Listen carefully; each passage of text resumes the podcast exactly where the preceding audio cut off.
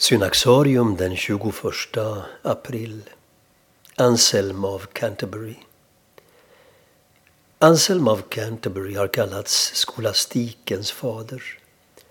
Han var lärd, bildad och i rollen som ärkebiskop även mäktig. Men hans strävan var alltid att ställa sitt förstånd och sin makt i kyrkans tjänst. Anselm föddes i norra Italien i en förmögen familj. Redan som 15-åring ville han bli munk men fick inte sin fars tillåtelse. Abboten i det kloster han uppsökt avvisade honom därför. Desillusionerad levde han en tid ett lättjefullt och oengagerat kristet liv. Men längtan efter ett monastiskt liv slocknade inte. Några år senare lämnade han hemmet och vandrade norrut över Alperna till Frankrike och ett kloster i Normandie. 27 år gammal upptogs han som novis och tre år senare blev han klostrets prior. År 1092 dog ärkebiskopen av Canterbury.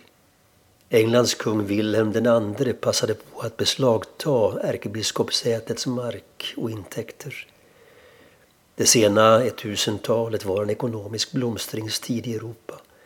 Och tack vare ökade skatteintäkter stärkte kungamakten sin ställning.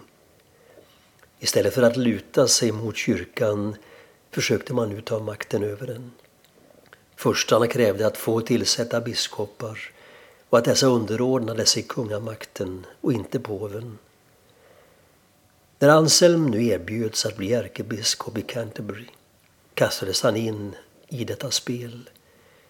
Men den lärde munken visade sig fullt kapabel att spela det.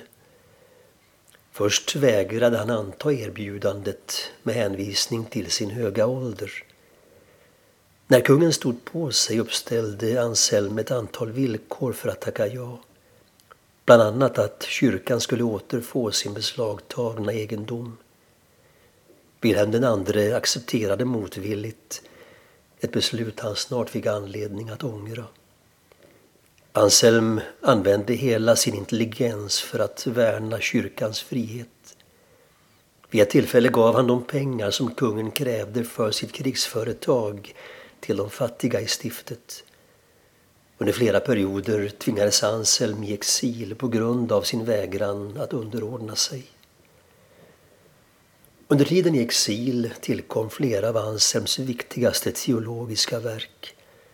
Bland annat Varför blev Gud människa? Han arbetade efter maximen Jag tror för att förstå. Tron stod inte i konflikt med förnuftet, betonade han. Man behöver inte välja det ena eller det andra. Men förnuftet var märkt av syndafallet och klarade sig inte på egen hand. Det behövde trons upplysning för att kunna förstå och förklara världen. Därför var kyrkans lära inte trons fängelse utan dess utsiktstorn. Efter sin död år 1109 helgonförklarades Anselm på initiativ av sin efterträdare Thomas Becket. År 1720 utsågs han till kyrkolärare i den katolska kyrkan.